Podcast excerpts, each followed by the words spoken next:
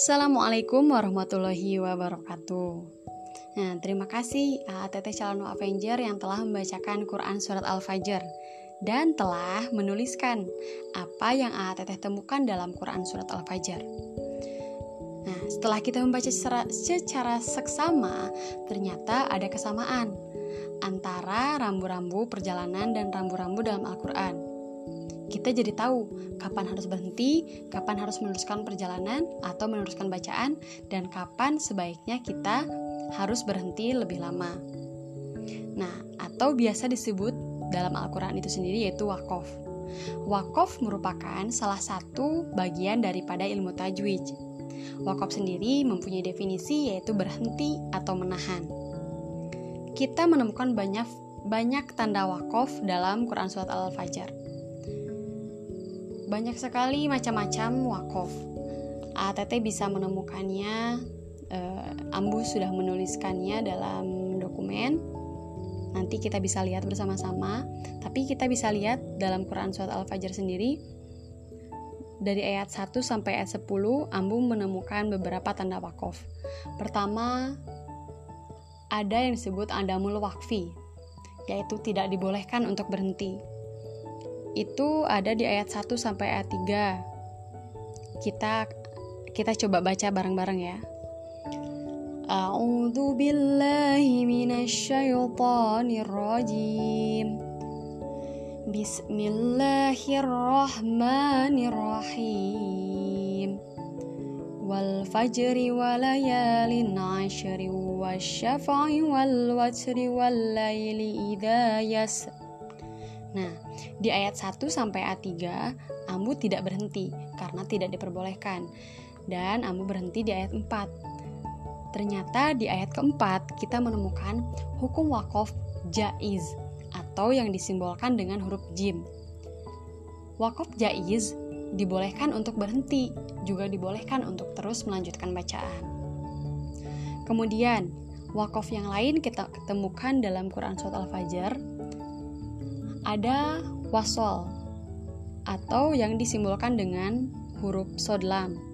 Kita menemukannya di ayat 6, 7, dan 8. Ketika kita menemui wakof wasol atau sodlam, maka kita direkomendasikan atau lebih baik untuk meneruskan bacaan daripada berhenti.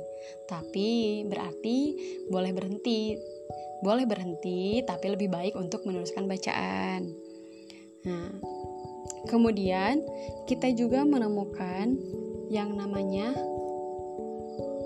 wakof aula atau yang disimbolkan dengan koflam.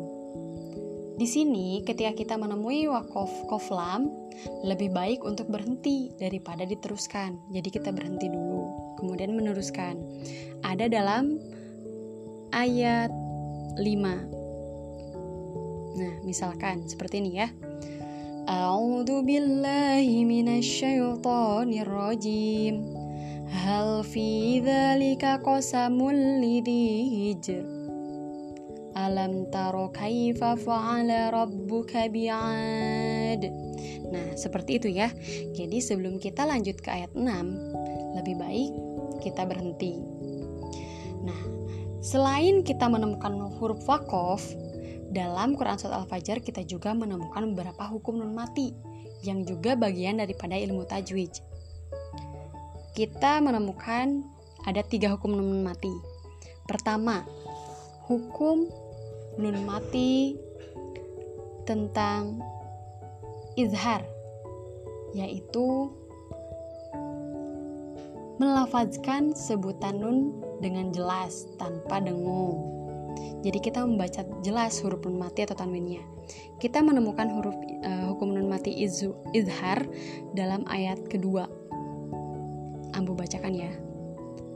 Walayalin aisyr. Lin. Setelah huruf tanwin uh, kasroh tain, kita membaca huruf ain dengan jelas di sana tidak disamarkan huruf huruf tanwinnya, tapi kita membaca jelas huruf kasroh tainnya. Kemudian, kita juga menemukan hukum nun mati idgom dalam ayat 5. Nah, di mana idgham itu sendiri artinya memasukkan atau menggabungkan suara nun ke dalam huruf sel selanjutnya. Kita melihat uh, ambu contohkan ya. Hal fi dzalika qasamul hij. Qasamul. Nah, ada domatain yang tidak dibaca atau digabungkan dengan huruf lam selanjutnya. Itu disebut idgham. Kemudian yang terakhir kita menemukan huruf ikhfa. Ada banyak uh, hukum non mati ikhfa di sini. Salah satunya di ayat 22. Kita bisa temukan ya. Ambu bacakan.